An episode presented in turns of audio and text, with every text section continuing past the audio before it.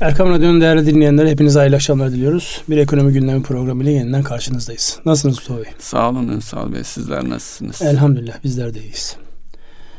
Davos zirvesi, Merkez Bankası kararları, piyasalar, borsanın iniş çıkışı ve bilimum haberler, yorumlar. Seçim süreci, seçim süreci, seçim tarihi, e, şey yeniden e, devlet alacaklarının yapılandırılması. Evet, o yapılandırma konusu gündemde. Artı bir de e, bizim seçimlere İngilizler de dahil oldular. E, herkes dahil. Herkes dahil oldu. İngilizler yani The Economist diye bilinen ve en çok da yıl sonu kapaklar üzerinden o sene olacakların kehanetle yorumlandığı e, derginin haftalık ekonomik dergi, ekonomi dergisinin bu kapağında doğrudan Türkiye seçimleri hedef alınarak ve orada doğrudan Cumhurbaşkanı hedef alınarak bir kapak e, evet. tasarımı ve içeriği var. Dolayısıyla çokça yorum yapıyor evet, burada. Çirkin bir şey ama hep öyle yapacak bir şey yok. Yani burada e, yok yapacak şeyler vardır muhakkak. Yapacak şeyler vardır ama yani burada özellikle Türkiye'nin nasıl algılandığı, Türkiye'nin nereye evrilmek istendiği ile alakalı. Hatırlarsanız geçen hafta çok yoğun bir şekilde özellikle Türkiye'deki bu savunma sanayi başta olmak üzere özellikle bu İHA'lar, SİHA'lar onlar bayağı bir gündem oldu hatırlarsanız. Bir siyasi partinin genel başkanı e, o konuyla alakalı bir girizgah yaptı. Ama ondan önce de e, bir Amerikalı düşünür mü desek, siyasetçi mi desek artık ne olduğu e, karışık bir arkadaşın yapmış olduğu yorumun üzerine bayağı bir gündem oluştu. Evet. Türkiye'de özellikle Türkiye'nin e, drone teknolojisini dünyanın e, büyük güçlerin oyun alanlarına lüzumsuz ya da yersiz müdahale ederek onların oyunlarını bozduğuna dair kendilerince geliştirdikleri argümanlar evet, var. Tedbir alınması, yaptırma, e, uygulanmasını istediler evet. yani. Çünkü şu ana kadar bir de adres adres yani bu artık üstü kapalı söylenmiyor. Çok açık ve net bir şekilde şuradaki oyun bozuldu, buradaki düzenek engellendi vesaire vesaire deniyor. Şimdi önce şu Davos'tan bir başlayalım. Şimdi Davos yıllardır var. Biz Davos'u en meşhur nerede şey yaptık? Rahmetli Özal dönemlerinde biliyorduk. One Sonra bir de One Minute'le e, evet. gündemimize olağanüstü bir şekilde geldi. Biz o olağanüstülüğünü bir şekilde yaşadık. Ne diyeceksiniz? Davos toplantılarıyla alakalı gelen görüşünüzü alalım. Ondan sonra özellikle ben bu sene e, toplantılar öncesinde yayınlamış global risk raporu ile alakalı, oradaki başlıklarla alakalı konuyu konuşmak istiyorum. Ama öncelikli olarak sizden bir e, dinleyelim. Ne diyorsunuz? Şimdi e, ilk önce görsel taraf dikkat çekmek isterim. E, karlı bir ortamda pardüsülerine, kabanlarına e, sarılmış e, nefeslerinden şey buhar, buhar tüten o, o bir görünce o bir özlem oluşturdu bende yani. Onun altını çizmek lazım. Belki de e, belli yerlerde e, işte kayak merkezlerinde falan vardır da. Gerçi orası da bir kayak merkezi. E, dolayısıyla Davos deyince e, bir cümleyle nasıl anlatılır denirse e, önde gelen insanların bir araya getirildiği, onların etkilendiği ve onların da birbirlerini etkilemesini sağladığı bir platform diyerek e, özetleyebiliriz. Yıllardır devam ediyor. İddiası ne bunun? İddiasını buyurun siz söyleyin tam olarak. Herhalde iddiası derken e, yani dünya politikalarına istediğiniz dünya bir şey var. politikalarına şekil vermek. Yani bu, bu arada yani dünyanın sayılı özellikle karar vericilerinin bir araya getirerek bir anlamda etkilemek. Yani alınan kararlar ve o kararlarla beraber dünyaya kendilerince şekil vermek. Dolayısıyla iddiası bence o. Buyurun devam ediniz. Başka ne görüyorsunuz Davos'ta? Ee, Davos'ta e, yani Türkiye'den de giden insanlar var. Orası da bir e, aynı zamanda insanların mesajını vermek istediği bir e, yer. Tabii çok sayıda toplantı olduğu söyleniyor. Hem ekonomik hem siyasi alanlarda giden kişiler, Türkiye'den giden iş adamları var. Dolayısıyla onların da verdiği mesajlar, dönüp ülkeyle ilgili mesajları var işte kendi yatırımlarıyla ilgili 2022'yi nasıl geçirdiler, 2023'te neler bekleniyor gibi. Ama oradaki e, ana şeylerden e, bir tanesi de özellikle e, geçen yılki e, e, bundan öncekinde henüz Ukrayna Savaşı yoktu. Şimdi Ukrayna Savaşı var. O ciddi bir dünyada e, yeni bir ayrışmaya bölünmeye gidilmiş durumda. E, ve şu anda da hala e, yani fay hattı olarak bakılırsa e, sanki e, Ukrayna Savaşı yeni bir döneme giriyor yani önlenmesine e, barışa e, gidişle ilgili değil savaşın daha da derinleşmesine yönelik çabalar var. Rusya'nın e, işte tekrar saldırıları artıracağı, yeni bölgeleri işgal edeceği yönünde. E, diğer tarafta da Batı ülkeleri tarafında özellikle NATO ile ilgili bugün e, bir toplantı var bizim e, Savunma Bakanımızın da iştirak edeceği. Oradaki hedef ve konuşulanlar e, bunu ifade ediyor tank mevzusu var. İşte Almanlara tank vermesi, Leopard tankı vermesi için baskı yapılıyor. Almanya direniyor. Amerika'ya e, sen ver diyor. Onlar da işte bizim tank, tanklar çok modern. Altı ay eğitilmeden bunu kullanamazlar. Buna zaman yok sen ver diye. Dolayısıyla bu adım adım NATO ülkelerinden birinin de e, şeye çekilmesi halinde o zaman NATO ile Rusya arasında e, bir savaş mı tezgahlanıyor veya belli kontrol edilebilecek yani NATO'nun doğrudan e, belli bir alanda içinde olacağı bir çatışma mı isteniyor? Öyle bir şey olursa bizim de şu anki e, politik duruşumuz yani karşı iki tarafta barış masasına oturtacak ve iki tarafta da dostluğu sürdürmeye yönelik politikamızda e, bir anda bozulabilir. Gerçi o seçim sürecindeki argümanlarından biri de o yani Türkiye'nin duruş durduğu yer her ne kadar e, işte e, barışın istenmesi öte taraftan işte gıda koridoru bunlar e, takdirle karşılansa da bir, Birleşmiş Milletler nezdinde ama bu savaşta çıkarı olan ve oyun kuranlar açısından durduğumuz yerde hoşa, get, hoşa giden bir yer değil. Şimdi, Bunun ekonomiye yansımaları da olacaktır. Ekonomiye yansımaları tabii ki olacaktır. Oluyor da zaten. Ee, şu an özellikle Türkiye'nin Rusya ile olan yakınlaşması, daha doğrusu zaten mevcudu sürdürmesi mevcudu sürdürüyorsunuz. Diyelim. Orada biraz şekiller oluyor. Oraya ambargo uygulanınca oradaki insanların çıkış noktası olarak kullandıkları ülkelerden bir tanesi Türkiye olunca farklı şekilde gündeme geldi. Zaten az önce ilk girdiğimizde bu Türkiye'nin e, insansız hava araçlarıyla alakalı e, yakalamış olduğu e, olağanüstü pozisyon ona ilave bir de Rusya ile olan yakınlaşma Türkiye'yi bir şekilde ambargonun içerisine sokar mı tartışmalarıyla biraz aslında gündem oluşturuyorlar. Yani seçim öncesinde aslında Türkiye'de yani mevcut iktidar devam ederse bak başınıza neler gelir mesajını da bir şekilde işliyor insanlar. Biz e, tabi bu işlenenler ona karşı olarak yapılanlar onları bir tarafa bırakacak olursak az önce de belirttim. Davos zirvesi öncesinde e, yayınlanmış olan e, global risk raporu ile alakalı bir şey. Bir çalışma var. O çalışmadan biraz bahsetmek istiyorum. Bu düzenli aralıklarla yayınlanan bir rapor aslında. Yani neredeyse her sene yayınlanıyor. Türkiye'de de bunu yayınlayan bir akademisyen grubu var. Bir dönem onlarla beraber de çalışmıştık. Oradan biliyorum yani çalışmaların detayını. Şimdi burada e, yayınlanan raporda e, ikiye ayırmışlar. İki yıl içerisinde ve on yıl içerisindeki kendilerince öngördükleri en önemli riskler başlığı.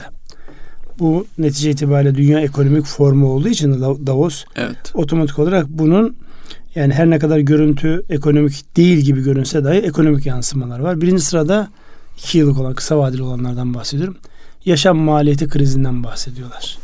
Yani insanlar dünkü harcama sepetleriyle hareket edemeyecekler. Bunu refah seviyesinin refah seviyesinin düşmesi gelmesi. ya da gelir dağılımında ciddi bir uçurumun oluşması, zenginler nice zengin, fakirlerin fakirleştiği bir dönemden bahsediyor. Bunu şimdi söylediğimiz zaman Türkiye ile alakalı demiyor. Dünya ile alakalı evet. bir şey. Yani yani burada tabii Türkiye yansımalar da olacaktır. İkinci başlık doğal afetler ve e, hava ile alakalı e, yaşanan e, inişli çıkışlı şeyler. Bu görüyorsunuz bir tarafı sel basıyor, öbür tarafta kuraklık var. Bir kar, kar yağıyor. Öbür tarafta Erzurum'a kar yağmıyor. Antalya'da kar var. Böyle enteresan bir şey yaşıyoruz Türkiye açısından. Dünya genelinde de böyle bir şey var. Hep daha önceden üçüncü başlık olarak hep daha önceden jeopolitik diye bir kavram vardı. O kavram jeoekonomik diye dönüşmüş vaziyette. Jeoekonomik çatışmalar. Yani yakın çerçevede olan birbiriyle çıkar çatışması olan ülkelerin birbiriyle yaşayabileceği çatışmaları en önemli üçüncü risk olarak e, bu rapor gündeme getirmiş.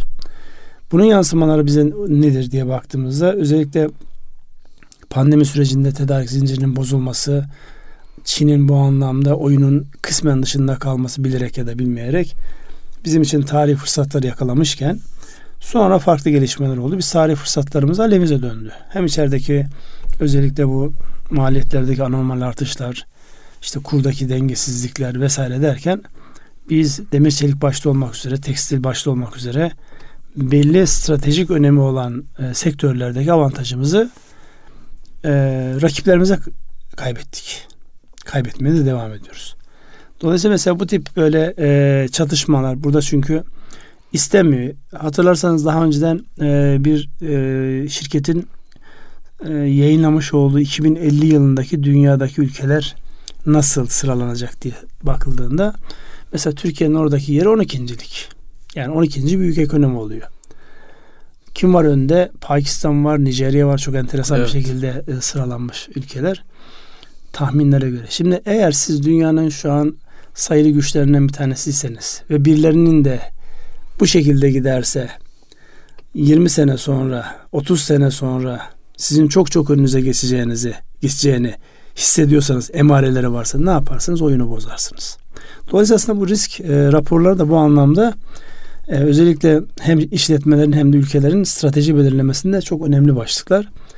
Yani buradaki üçüncü sıradaki jeoekonomik çalışmaların ön plana çıkıyor olması önümüzdeki dönemde özellikle Türkiye'nin Avrupa'daki gelişmelerle orada kaybettiğimiz pazarların yerine neler koyacağımızla alakalı çok önemli başlıkları gündeme getiriyor. Yani şu an sıcak temas halinde bulunduğumuz yakın coğrafyamızda olan ekonomik ilişkilerimizi daha farklı bir boyuta taşımamız gerektiği ile alakalı bir başlık var.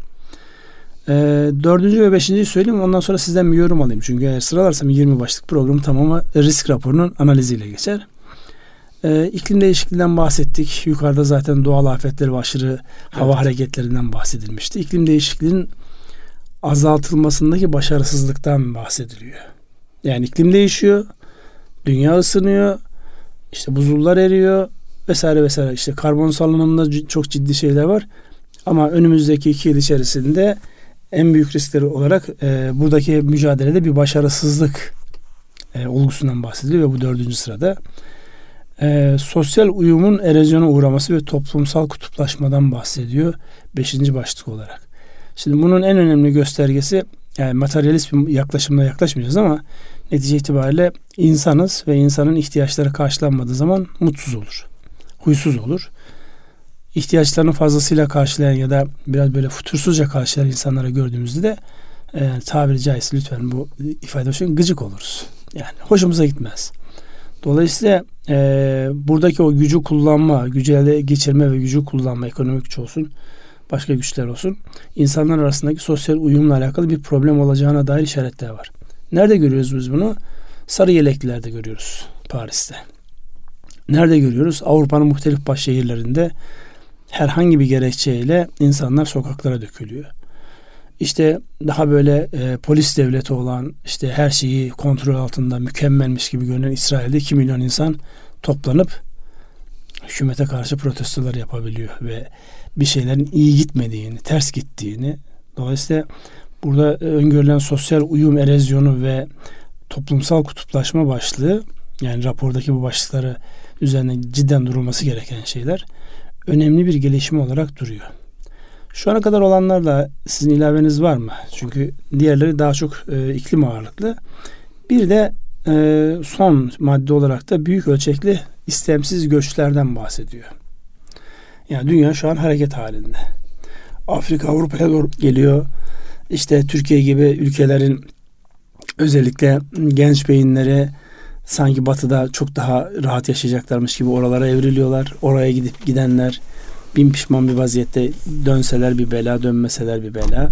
Dolayısıyla böyle enteresan büyük istemsiz göçler var. Bir tarafı istemli ama sonra istemsize dönüşebiliyor. Çünkü umdukları şeyleri bulamayınca insanlar mutsuz olunca bir şekilde bu farklı yerlere doğru yani belki ülkeye tekrar dönmek değil de başka şekilde aşağı yukarı bu Balkanlarda böyle işte hatırlarsanız Makedonya'ya diğer ülkelere gittiğimizde de genç insanlar yoktu. Nerede evet. bunlar? Avrupa'ya göçmüşler, Amerika'ya evet. göçmüşler gibi. Ne diyorsunuz bu e, riskler doğru ölçülmüş riskler mi sizce? Evet bence doğru ölçülmüş. Pandemiden sonra e, özellikle küresel seviyede enflasyonla birlikte e, geçim sıkıntısı e, tüm ülkeleri sarmış durumda. Özellikle e, mesela e, biz de EYT konuşuyoruz. E, şeyle Fransa'da e, emeklilik yaşını 62'den 64'e çıkarmak üzerine bir taslak var ve tüm e, neredeyse Fransa e, grevlere gitmiş durumda. Bu diğer ülkelerde de yani alışılmışın e, belli bir e, oradaki şey neydi daha önceki hikaye? Bu ülkeler çok gelişmiş, belli bir standart var. İnsanlar o standardı kabul etmiş ve o standartta istikrarlı bir şekilde gidiyor. Ve ilk kez kırılma olduğunda, kırılmada işte e, iki haneli enflasyona e, bile değil yani. Onu bile tahammül edemeyen, kaldıramayan bir e, şey var, toplum şeyler var ve bunlar e, kırılma noktalarında kaynıyor. Bunlar büyük bir ihtimalle seçimlere de yansıyacaktı. Zaten öteden beri özellikle Avrupa'da sağ denen, sağ derken bizdeki şeyle ayrıştırmak için faşist eğilimler zaten kökenlerinde bu insanlar faşist eğilimleri var. Son Ukrayna Savaşı'nda da Rus kedisini bile yasakladılar yani. yani insandan öteye geçen bir faşizan eğilimler olduğu için çok hızlı bir şekilde kırılganlıklarla seçimlere yansıyabilir, iktidar değişebilir. Nitekim şeydeki e, bunun örneğini şeyde gördük, İtalya'da gördük. E, tabi buradan batıya olan göçlerde de e, son madde olarak yani gettolar oluşması toplum içerisindeki Bosna Savaşı'nı yıllarca e, e, oradaki yaşayan insanların Osmanlı coğrafyası olduğu dönemde hiçbir sıkıntı çıkmazken son e, hatta 30 e, yıl oldu üzerinden geçeli e, nasıl insanların e, şeye soykırıma uğradığını Bu kadar gördük. canavarlaştığını. Evet gördük. Risklerin belki en büyüğü ama geçim sıkıntısı da bunun insanların birebir yaşamına e, yansıyan olumsuz bir şey olduğu zaman e, kim yüzünden sorusunda da eğer hedef olarak işte bir oradaki Suriyeliye işte Makedonya'dan gelen Sırbistan'dan gelen birini gösterdikleri zaman e, işin rengi değişiyor. Hele hele e, temelde e, e, mezhep farkları olduğunda yani bir ortodoksa bakmaları kendi şeyler hele hele Müslümanlara bakış açılarını zaten söylemeye gerek yok. En büyük kırılganlıklardan e, birisi bu. E, bu iklime dayalı olan şeylerde de yani tarihsel göçlerden bahsettiniz. E, eğer tarımsal e, alanda yani insanlar bulunduğu coğrafyalarda bir takım sıkıntılar çekmeye başlarlarsa o tabiatıyla nasıl şehirden e, köyden şehire göç varsa bunun temelinde işte e, şehirleşme, sanayileşme gibi konuşulsa da bir süre sonra topraklar verimsiz hale gelirse e, özellikle suya dayalı kıtlıkların olduğu zaman göçler kaçınılmaz hale gelebilir. Birazdan uzun vadeli riskler konusuna girdiğimde göreceksiniz. Orası daha çok tabiatla, çevreyle alakalı olan şeyler. Siz yorumunuza devam edin. Bununla ilgili de e, alınan tedbirler vardı. Daha doğrusu işte e, Kyoto protokolü çeşitli şeylerle e, alınmış kararlar vardı dünya e, ölçeğinde ülkelerin bir araya gelip ancak Ukrayna savaşı bunu da bozmuş durumda. Mesela Almanya e, şeyleri nükleer santrallerin e, kapatacaklarının vadesini uzattı. Kömüre dayalı e, şeyler santral kuruyor. Hatta e, kömür e, madenleriyle ilgili genişletme ile ilgili bir çalışmasıyla ilgili yoğun protestolar yaşanıyor Almanya'da o bölgede. Hatta e, protestoya katılan bir Türk'ü şeyde televizyonda izledim yani o şeye katılan enerji krizi nedeniyle karbon emisyonu ile ilgili daha önce atılan imzalar, anlaşmalar bir noktada e, koşulların gereği rafa kaldırılıyor sorumluluktan. Dolayısıyla bu iklimle ilgili karbon emisyonu azaltıcı tedbirlerin e, ötelendiği anlamına geliyor. Başarısız oldu. Yani sadece ötelenmek değil burada özellikle risk olarak başarısız olacak diye bir yani risk algısı var. Yani aslında öngörüyorlar. Önümüzdeki 2 yıl ve 10 yıl içerisinde en önemli şey iklim değişikliği alakalı şu ana kadar yapılan işte Paris Anlaşması olsun, diğer işte Kyoto protokolü olsun, başka bir sürü anlaşmaların e, tedbirinin ya da önlemlerin yetersiz kalacağı, başarısız olacağı ile alakalı çok ciddi beklentiler var. Dolayısıyla bunların e, hepsinin toplandığı yer burada benim en, en dikkatimi çeken kısa vadede olmayıp ama uzun vadede olan şeylerden bir tanesi biyolojik çeşitliliğin kaybı ve ekosistem çöküşü.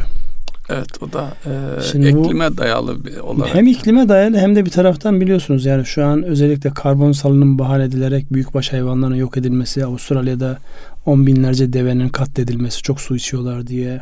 Yani tabiatta var olan Allah'ın e, yeryüzünde var ettiği şeyleri, mahlukları kendi çıkarlarına doğru bunlar azaltıyor da çoğaltıyor diye müdahaleler oluyor. Tabii bir denge başka bir dengesizliği getirebilir, bir dengenin bozulması. Onun için burada mesela dikkat çeken başlıklardan bir tanesi bu biyolojik e, çeşitlilik kaybı ve ekosistemdeki çöküş. Yani iklim değişikliğiyle beraber oldu. İşte Ocak ayının e, sonuna geldik. Daha bırak kar yağma yağmur yağmadı. Evet. Dolayısıyla bunlar önemli şeyler, önemli başlıklar. Bu da bize e, özellikle yani risk unsuru anlamında önümüzdeki dönemde az önce söylemiş olduğunuz anlamda su çok değerli ve de önemli hale geliyor. Şimdi İstanbul'un 20 milyonu yaşadığı şehri düşünün. 3 aylık su kaldı deniyor. Ve çevrede herhangi bir yerde de şey yok, kar yok. Yani evet. yani e, burada e, yok da Bursa'da olsa hadi Bursa'dan bir şekilde transfer edersiniz. Az önce söylemiş olduğunuz o e, Rusya ile olan ilişkilerin kesilmesinden sonra şu an LNG ile alakalı ciddi bir e, ne derler krize giriliyor. Tedarik krizine giriliyor. Çünkü talep çok fazla. Avrupa'nın bütün ihtiyacını oradan karşılıyorsunuz. Benzer bir şey bir müddet sonra dünya suda yaşayacak. Evet. Ve bu kuraklık devam ederse e, Türkiye'de özellikle İstanbul'da bunu fazlasıyla yaşayacak. E, bundan 3-4 ay önce Almanlar ya da e, Fransızlar işte duş almayın ıslak havlularla kendinizi silin şeyine gülüp geçiyorduk. Çok çabuk geldi bize. Evet. Çok çabuk Bu geldi. tabii doğal e, gaz eksikliğine benzemez su. Yani evet. su yaşamın e, bir parçası. E, evet büyük riskler bekliyor. Tabii daha önce e, su savaşlarından bahsedilirdi. Ee, özellikle komplo teorilerinde e, oraya doğru da gidebilir. Su zengini bir ülke değiliz, su fakiri de değiliz. Ancak bu dengesizlik e, her şeyi bozabilir yani. Evet. Bozuyor da. Dolayısıyla e, e, burada şu ana kadar zikretmediğimiz en önemli tehditlerden bir tanesi de siber suçların artması, siber güvenlik problemleri ve siber suçların artması önümüzdeki 10 yıl içerisinde ve önümüzdeki 2 yıl içerisinde çünkü birbirine tekrar olarak geliyor bu. Bazılarında 2 yılda mesela jeoekonomik çatışmalar daha öndeyken 10 yılda biraz daha geride. Yani neredeymiş orada? İşte 9. sıradaymış. Ama 2 yılda baktığımızda hemen 3. sırada. Dolayısıyla kısa ve uzun vadedeki bu risklere göre işte Davos bunu şekillendirmeye gidiyor ya.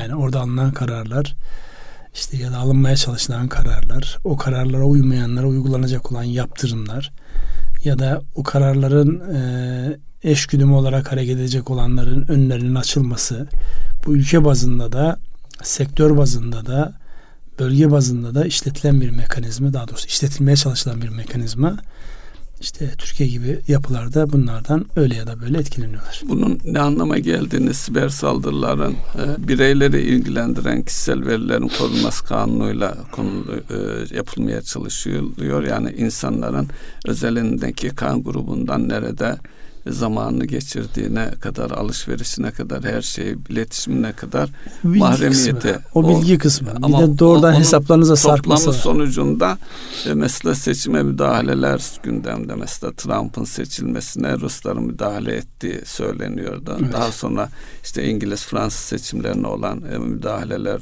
paylaşıldı. E, seçim sürecinde olduğumuz için bunlar da e, bizde de olacaktır yani.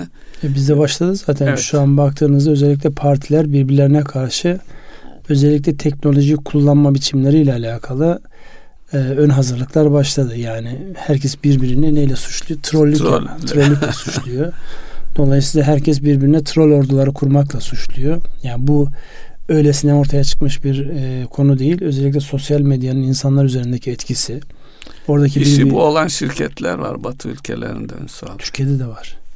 Türkiye'de işi sosyal medya üzerinden veri analizi yapan, o veri analizleri doğrultusunda da bu normal zamanlarda ticari yönlendirmeler için seçim zamanlarında siyasi tercihleri kullanmak için bu ciddi bir müdahale alan et, etme müdahale demem etki diyelim biz ona. Çünkü müdahale dediğimizde doğrudan sanki biliyormuşuz evet, gibi etki bir doğrusu çıkar. etki demek daha etkilemeye haklısınız. çalışıyor insanlar. Bu etkili etkileme biliyorsun bazen e, spekülatif bir şey yaparsınız. Yani insanlar e, ortaya karışık açarsınız. İnsanlar ondan etkilenir. Bazılarından manipülatif bir şeyler yaparsınız. Doğrudan insanların ne tarafa doğru gitmeleri gitmeleri gerektiğiyle alakalı e, iyi bir kurgu vardır arkada. Yani insanlar aksini e, gibi davrandıklarını zannederler ama istendiği tarafa doğru gittiklerini bilmezler, göremezler. Dolayısıyla bu çok güçlü bir alan. Yani zaten baktığınızda bir taraftan e, siber ve dijitalle alakalı o alanlar gelişirken öbür tarafta da insan psikolojisi, sosyal psikoloji, sosyoloji alanlarında yani tarihin hiçbir döneminde olmadığı kadar ciddi yatırımlar yapılıyor. Evet. Bu yatırımların herhalde bir yansıması ol, olacak. Değil mi? Yine siber saldırıya örnek vermek gerekirse e, yakın çevremizden zaman zaman duyuyoruz. Şirketlerin e, sistemlerini bloke edip e, şey e, şantajla ee, Aşma, özellikle evet. şey üzerinden e, Bitcoin üzerinden tahsilatla açıyorlar bir o var. Bir de mesela e, yani ne olup olmadığını ortaya e, yani etkilerini vurgulamak açısından mesela geçen hafta Amerika'da e, uçak e, uçuş sistemlerinde arıza yaşandı. Tüm e, iç dış uçuşları saatlerce durdurmak zorunda kaldılar. Bu, bu saldırı da olabilir araştırılıyor. Yine bizimle ilgili hatırlarsanız 5-6 e, yıl önce oldu. Elektrik sistemimiz çöktü. Enterkonnekte sistem ayağa kaldırılması neredeyse bir günü aldı. Yani artık öyle bir noktadayız ki eskiden olduğu gibi işte şu e, ben eski elektrikçi olarak şu hatta enerji ver telefon ed- ediyorsun konuşuyorsun orası enerji veriyor veya birini devreden çıkar artık bunlar geçmiş durumda her şey e, bilgisayar üzerinden yapılıyor manuel yapılma dönemi artık e, geçmiş durumda. Dolayısıyla manuele değil bilgisayara ve sisteme müdahale ha, etmiş Sisteme oluyor. müdahale ve o sistemlerde bir takım açıklar olabiliyor. Neticede bir e, cihaz elektrik fişine taktıysanız yani internette data kablosunu taktım tatmadımı geçti artık. Elektrik prizine takılıysa o müdahaleye açık halde de demektir. Onun ötesinde şu an bütün telefonlar, bilgisayarlar e, kablosuz iletişime açık. Bir de o var evet. Yani eskiden elektrik hattından girip işte hackerlar e, bilgisayarınızdaki bilgileri çalıyormuş diyorlar. E, şu an açık zaten. Yani baktığınız zaman işte herkesin Bluetooth'u, Wi-Fi açık. Oradan herhalde yani çıkış varsa hackerların diyor ya bir yerden çıkış varsa muhakkak oraya girişte vardır diye evet. iddialar var. Dolayısıyla şu an bilgi güvenliği bu anlamda sakat durumda. Benim açıkçası yani merak ettiğim şey az önce e, konunun başında söyledik. Bir ekonomi dergisinin doğrudan Türkiye seçimlerine gündem yaparak müdahale etmesi. Şimdi ülkenin kendi haline bakıyorsun. Hani her gün bir rezalet ortada. İşte kaç başbakan ve başbakanların işte e, tavırları işte e, insanların özel hayatlarına müdahale ediyorlar e, sağlık güvenliğini zedeliyorlar. Yani bu kadar pervasız bir ülkenin kendi problemleri varken makro büyüklüklere baktığınızda da çok önemli bir enflasyonla yani Avrupa ölçeğine baktığınızda e, İngiltere'nin 10.5 e, gibi bir enflasyonla boğuşuyor. Bütçe açığı giderek büyüyor. İşte son çeyrekte küçülmüş, o küçülmeyi telafi edecek gelişmeler noktasında zorlanıyor. Avrupa Birliği'nin ayrılmış olmanın kendilerince avantajlar olduğunu söylüyorlar ama çok ciddi oranda şeyler kaybettiler. Şirketler kaybettiler. Yani daha önceden merkezler, operasyon merkezi İngiltere'deyken Avrupa'ya taşımış bir sürü yapılar var. Dolayısıyla yani bu başkasına müdahale etme biraz imparatorluk, emperyalist bir yaklaşım. Yani e, ama gayri ihtiyarı gücün elinde olduğu yerlerde herkes de bunu yapabiliyor. E, evet. Zaman zaman herhalde biz de çevremizi etkilemeye çalışıyoruzdur diye düşünüyorum yani. e, yani etkilersek Osmanlı döneminde nasıl etkilediysek bunlar gibi e, sömürme, yakıp yıkma, e, soykırım gibi şeyler e, olmaz.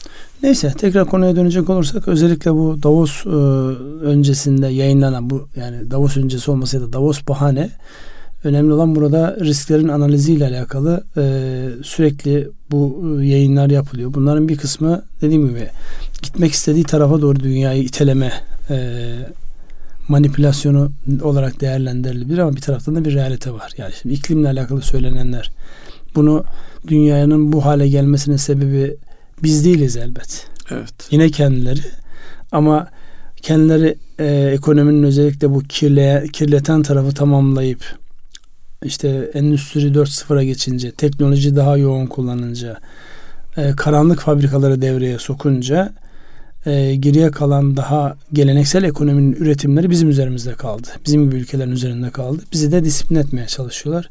İşte şu son Ukrayna-Rusya savaşı olmamış olsaydı e, muhtemelen Avrupa'ya satacağımız mallarda o alınan kararlar vardı biliyorsunuz. Karbon vergisinin dışında bir de tabiata e, karbon salınımı ile alakalı vermiş olduğumuz e, hasarların telafisiyle alakalı vergiler getirebilme e, şansını anlaşmalarla elde etmiş durumdalar. Dolayısıyla onlarla karşı karşıya olma ihtimali tekrar gündeme gelecektir. Ee, tabii e, işin pozitif tarafına da bakmak lazım. Özellikle enerji tarafında da kendi ülkemize dönersek rüzgarda güneşte büyük potansiyeller var. Onunla ilgili de e, o fırsatları değerlendirmek gerekiyor ki e, hükümet özellikle e, en son e, yeşil hidrojen başta olmak üzere bu yönde de büyük teşvikler ve yatırımlar devam ediyor.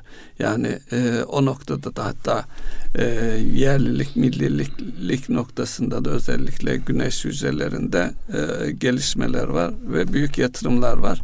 Ee, yine e, rüzgara ilişkin teknolojilerde e, millilik oranları yükseliyor. Bunlar da e, bizim açımızdan özellikle enerji yüksek enerji faturası ödeyen bir ülke olarak e, cari açık başta olmak üzere her aşamasında yarar e, doğuran şeyler, gelişmeler de var. Onun altını da çizmekte yarar var. Evet. Diğer konulara geçelim isterseniz. Borsa Ünsal Bey. Ee, özellikle borsayı son dönemde herkesin ilgi alanı yeni yatırımcılar var. Ee, SPK'nın yeni bir kararı var. Ee, küçük yatırımcıyı korumaya yönelik özellikle ilk kez halka arz edilen şirketlerin e, hisseleri dağılımıyla ilgili bu konuda biraz e, yani özellikle sonuçları açısından değerlendirme yaparsanız ne dersiniz? Şimdi sonuçlar itibariyle değerlendirme yapalım ama öncelikle şunu söyleyeyim. 2021, 2022 ve 2023 hemen başlar başlamaz çok ciddi halk arzlar yani 2021-22'de yapıldı. 23'te de e, yapılma şeyi e, var. Çünkü her hafta bir ya da iki tane şirketin halk arzına onay çıkıyor. Şu an sırada bekleyen çok sayıda firma var. Kaynağı ulaşım noktasında e, halk arzı önemli bir başlık. Burada özellikle e, böyle zamanlarda yani küçük yatırımcının yoğun ilgi gösterdiği zamanlarda e, bu işin hani tabiri caizse kurtlarının da ekmeğine yağ sürülen zamanlar. Çünkü genellikle insanlar finansal okur yazarlığı nispeten zayıf. Bilse dahi işte insanlar insan olarak bizim farklı hırslarımız var. Farklı tutumlarımız var. Dolayısıyla oradaki o e, davranışsal iktisadın, davranışsal finansın bütün e, argümanlarını kullanarak, yeri geldiğinde algoritmaları kullanarak, yapay zekayı kullanarak burada piyasada çok ciddi hareketler oluyor. İlk halka arzlarla alakalı da hatırlarsanız daha önceden yani son dönemde yapılan şu an önümde 2021 ve 22 yılında yapılmış olan halka arzlar var. Onlarla alakalı da çok sayıda e, yani her birinin nasıl halka açıldığını gösteriyor. İşte yüzde elli küçük, küçük yatırımcı, yüzde elli işte yurt içi e, nitelikli yatırımcı deniyor. Kurumsal yatırımcı bazılarında çok az. E, bazılarında çok daha düşük seviyede bu. Yani yüzde yirmi işte e, küçük yatırımcı, yüzde altmış, yüzde yetmiş e, nitelikli yatırımcı deniyor. İşte varsa yurt dışı ve e, kurumsal yatırımcılar onlara da tahsisler var. Şimdi burada SPK bir şey fark etti. Özellikle e, insanlar halka arzlara olan ve halka arz sonrasındaki o primlenmeyi gördükleri için insanlar oraya ilgi gösteriyorlar. Fakat e, siz 10 bin liralık almak istiyorsunuz. Size bin liralık hisse veriyorlar. Siz bin tane almak istiyorsunuz. Size 35 tane veriyorlar. Dolayısıyla bununla alakalı bir müdahale, bir düzenleme ihtiyacı hasıl oldu. Nihai sonucu ne kadar değiştirir onu önümüzdeki günlerde göreceğiz. Fakat baktığımızda özellikle e, yani borsanın e, sağlıklı gidebilmesi için şirketlerin halka arzdan sonra halka arz fiyatına yakın bir yerlerde ya da biraz üzerinde olması gerekir ki insanlara şu yani ben şirketimi halka arz ettiğimde 100 birim halka arz ettim ve halka arz ettikten bir ay sonra bu bin birim olduysa moralim bozulur. Evet. Yani burada insanlara o hissi eğer bu bin birimlik bir şirketse niye yüzden e, beni halka açtınız? Burada özellikle piyasayı speküle eden piyasada bu tip böyle hareketlerde derinliği olmayan hisseler ki derinliği olanlarda bile yapıyorlar. Çünkü insanlar güçlerini birleştirdikleri zaman inanılmaz bir e, parasal güç ortaya çıkıyor. Dolayısıyla bunu engelleme yönelik bir tedbirdir. Ama ne kadar etkiler Yani bir bireysel yatırımcı gibi bin talep ediyor e, küçük rakamlar alırken nitelikli yatırımcı da aslan payını alıyor. Aynen öyle. Dolayısıyla oradaki yüzde beş işi yüzde elli, yüzde altmış, yüzde yüz hatta yüzde üç yüz primlere küçük yatırımcı faydalanmıyor. Yani çok az faydalanıyor. Asıl burada e, nitelikli zaten belli insanlar arasında SPK olabilir. buna müdahale etmek istiyor. Buna müdahale etmek istiyor. Evet yapmış olan e, aksiyon, almak istenen aksiyon o. Ama sonucunu göreceğiz işte. Çünkü burada da e, şu olabilir. Daha önceki sistemde şöyle işliyordu. Halk arz oluyordu. İnsanlar halk arzdan gidip alıyorlar listelerini. Prim yapmıyordu. Aldıkları fiyatın daha altına hani tabiri caizse boşaltma tabiri var. Herkes daha alttan aman daha fazla zarar etmeyeyim diye 10 liraya almış olduğu hisseyi 9 liraya, 8 liraya, 7 liraya veriyor. İşte orada orada yine aynı mekanizma kuruluyor. Bu sefer 10 liradan değil 9 liradan 8 liradan alıp topladıktan sonra tekrar yukarı. Çünkü bir hissenin yukarıya gitmesi için bir alıcının olması lazım. Alıcı kim? Nitelikli bu ilk başlangıçta da evet. alalım. Nitelikçi alıcılar. Çünkü onların finansal gücü var.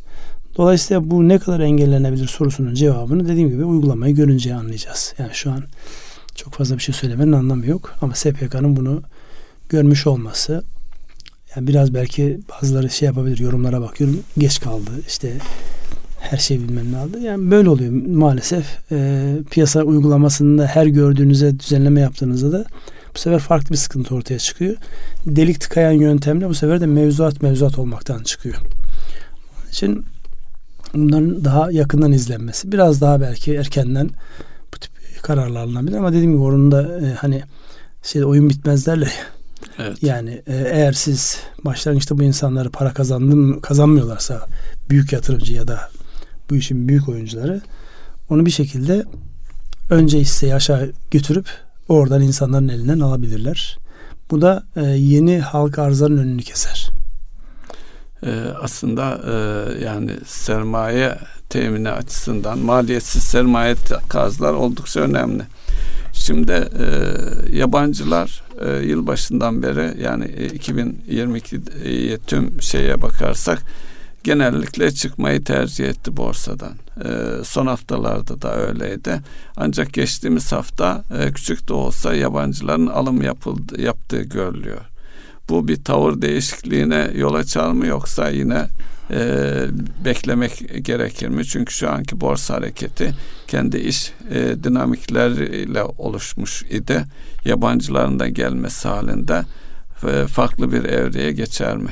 Veya gelirler mi gerçekten? Şimdi gelirler yani niye gelmesinler? Çünkü potansiyel olarak var. Sadece burada e, bir yorum yaptı. Biraz teknik olarak e, fazla detay olacak belki ama bir piyasa e, hani ayı piyasası, boğa piyasası diye tabir edilen ifade var.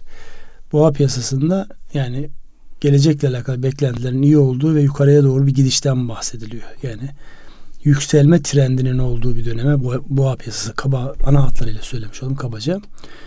Düşüş trendine de düşüş trendine yönelik yapılacak olan e, ticari işlemlerde o atmosferde yapılanlar da işte ayı piyasası deniyor. Şimdi e, Türkiye yabancıların çıktığı bir dönemde normalde baktığınızda boğa piyasasından ayı piyasasına geçmiş olması icap ederdi. Niye? Yıllardır yani ta kuruluşundan 80'li yıllardan bu yana borsayı taşıyan ağırlık olarak %50'nin hep üzerinde olan yabancı payının %30'lar hatta %30'un altına indiği bir dönemde e, normalde yukarı değil aşağı doğru gidişin gelmesi beklenir. Fakat o arada tabi e, iç kaynaklarda bir taraftan kurumsal yatırımcılar işte bireysel emeklilik fonları öbür taraftan da e, ülkede ciddi bir varlık oluştu. Yani insanlar zenginleştiler. Kim ne derse desin yani burada gelir dağılımındaki o cini kat sayısı açısından baktığımızda uçlar açılsa orta direkte biraz e, bel verme olsa dahi insanlar zenginleştiler. Dolayısıyla borsaya gelecek olan kaynaklar noktasında iç yatırımcı yabancının çıktığı bu alanı doldurabildi. O boşluğu doldurabildi. Şimdi bundan sonraki süreçte mevcut iç kaynaklarla bu gider mi sorusunun cevabı. Yani gidebilir ama e, kural şudur. Sizden daha yüksek e, fiyattan almaya niyetli birileri varsa borsa yukarı gider. Şu an baktığımızda herkes özellikle seçim atmosferine girince bakacak herkes. Yani herkes seçim sonrasında olabilecekleri bir küçük ralli olabilir bu arada. Ama seçim sonrasına bakacak insanlar. Bu arada yabancıların gelme ihtimalini düşündüğümüzde yabancılar geldiğinde doğrudan piyasayı yükselen piyasaya çevirirlerse şu an dışarıda olan ya da biraz bekleyeyim diye dışarıda kalanların girebilme şansları kalmıyor. Dünyada da böyle, Amerika'da da böyle. Mesela son günlerde Amerika'da Standard Poor's'la alakalı yani onların işte borsa ya da endeksiyle alakalı şeyde yeniden düşüş trendi beklenirken tekrar boğa piyasasına dönmüş olmasından dolayı küçük yatırımcıların dışarıda kaldı. Ne yapıyor küçük yatırımcı? Bu sefer hırslanıyor. Gidip daha yukarılardan yani olmaması gereken, girmemesi gereken bir yerlerden hisselere girmeye başlıyor. Bu çok enteresan bir psikoloji. Onun için yani herkesin e, ruh sağlığına bir yatırımcı de, anlamda e, sahip çıkması lazım. Borsayla ilgili bir boyutta seçim sonuçlarına göre e, tavır alma şeyi var. E, özellikle iktidar değişirse işte e, ortodoks politikalara dönülür, e, faizler yükselir. O dönemde de işte artık borsa gelir getirmeyeceği için bir çöküş yaşanır gibi e, şeyler de var. Şimdi bu bütün strateji senaryo tahminleri bütün var. strateji çalışmalarında biliyorsunuz senaryo olmazsa olmaz araçlardan bir tanesidir. Yani netice itibariyle insanların parası var. Bunu ister altına yatırsınlar, ister dövize yatırsınlar, isterse gitsinler fabrika yatırım yapsınlar ya da şirket satın alsınlar ya da borsaya gelsinler. Stratejik bakış açısı neyi gerektirir? Neredeyim? Nerede olmak istiyorum? 100 liram var, 200 lira olsun istiyorum. İşte e, bir evim var, bir tane daha olsun istiyorum. Nereden bakarsanız. Şimdi varmak istediğiniz yer eğer sizin e, düşündüklerinize tam e, oturmuyorsa onu olsun diye alternatifler oluşturursunuz. Yani 100 lira 200 lira olması için tek alternatifli, tek senaryolu bir bakış açısı varsa bu stratejik bakış açısı olmaz. O tek yol olur. Yani 100 lira 200 lira yapacağım onun yolu da şudur dediğinizde ve herkes de bunu biliyorsa zaten olmaz. Yani sizin senaryolarla işte e, bunu farklı yatırım araçlarını birleştirerek giriş zamanlarını ve çıkış zamanlarını iyi kontrol ederek oralardaki bilgi birikiminizi e, ortaya koyarak ancak mümkün olur. Aksi takdirde yani herkesin bildiği ve aynı yöntem uyguladığı yerde kim nasıl para kazanacak? Şimdi hepimiz gayrimenkul almaya yöneldik. Kimse satmıyor. Yani hiç kimsenin satmadığı yerde nasıl böyle bir şey? Ya da hepimiz birden borsaya yöneldik. Kimse satmıyor malını. Nereye gidecek bu? Dolayısıyla o ticaretin olabilmesi ya da stratejinin olabilmesi için yani farklı senaryolarla birilerinin bir şey yaparken öbürlerinin başka bir şey yapıyor olması icap eder. Bu senaryolara da zihnen hazır olmanız icap eder. Sana bu senaryolara siz de biraz kendi hanenizde, kendi imkanlarınızda katkı sağlıyor olmanız icap eder. Ee, şimdi e, beklentilerden biri de e, seçim sürecine bağlı olduğu ifade ediliyor. E, devlet alacaklarıyla ilgili yeniden yapılandırma ki Cumhuriyet tarihinin en büyük yapılandırması deniyor. Bunun içerisinde ne var? E, vergi e, ödenmeyen vergiler, vergi alacakları, onunla ilgili cezalar her şey dahil. Yine Sosyal Güvenlik Kurumu'na yapılacak ödemeler, yani trafik cezasına kadar çok geniş kapsamlı bir paket e, gündemde. Bu paketi nasıl değerlendirmek gerekir? Bu paket nedeniyle özellikle bütçe açısından e, yani tahsil edilemeyen e, vergilerle ilgili pozitif bakılırsa e, para gelecek, kaynak gelecek diye de bakılabilir. Ama onun ötesinde de e, toplumsal ahlak açısından bakılırsa da vergi ödeyenlerin e, bir nevi cezalandırılmış olduğu bir sonuç da ortaya çıkıyor. Benim psikolojimi kötü etkiliyor. Yani hiçbir şeyini geciktirmemiş. Harfiyen uymuş. Hatta uyabilmek için bütün imkanlarını zorlamış. Yeri geldiğinde yani çok önemsediği e, belli şeyler elinden çıkarmayı göz almış birisi olarak açıkçası bu benim psikolojime iyi gelmiyor. Ama bir taraftan da geniş kitleler var. Bozulan ekonomik dengeler var. O ekonomik denge bozukluğunda istemeyerek taahhütlerini yerine getiremeyen insanlar var. Fakat öbür tarafta da kötü niyetliler var. Hep böyle bir şeyin olabileceği için fırsat kovalayan, borçlu olmayı e, bir sanat halinde ve borçlu olmayı ve vaktinde ödememeyi bir sanat haline getirmiş insanlar da var. Onun için ben kendi burada objektif olamayacağım. Kendi hanemden baktığımda e, edimlerini yerine getiren bir insan olarak e, böyle bir şey yapılmasında kendimi kandırılmış gibi hissediyorum ama yapacak da bir şey yok yani. Çünkü öteki türlü de yani ödemeyeyim ne gelirse onu yönetirim psikolojisi de yok açıkçası. Dolayısıyla bu başka bir şey. Onun için olacak mı? Evet olma ihtimali çok kuvvetli muhtemel. Evet. Çünkü özellikle seçim öncesinde işte bütçeleri denkleştirmek için biraz insanların kararlarını etkilemek için bu tip şeyler oluyor. Hep olacak. İşte e, mahkumların affı vesaire vesaire gibi konular hep gündeme gelir de şu an Allah'tan o gündemde değil. Yani şu an konuşulmuyor öyle bir şey. Evet.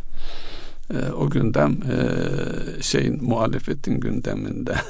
Bilmiyorum artık onların gündeminde ama yani şu an e, söylenen şöyle bir şey var.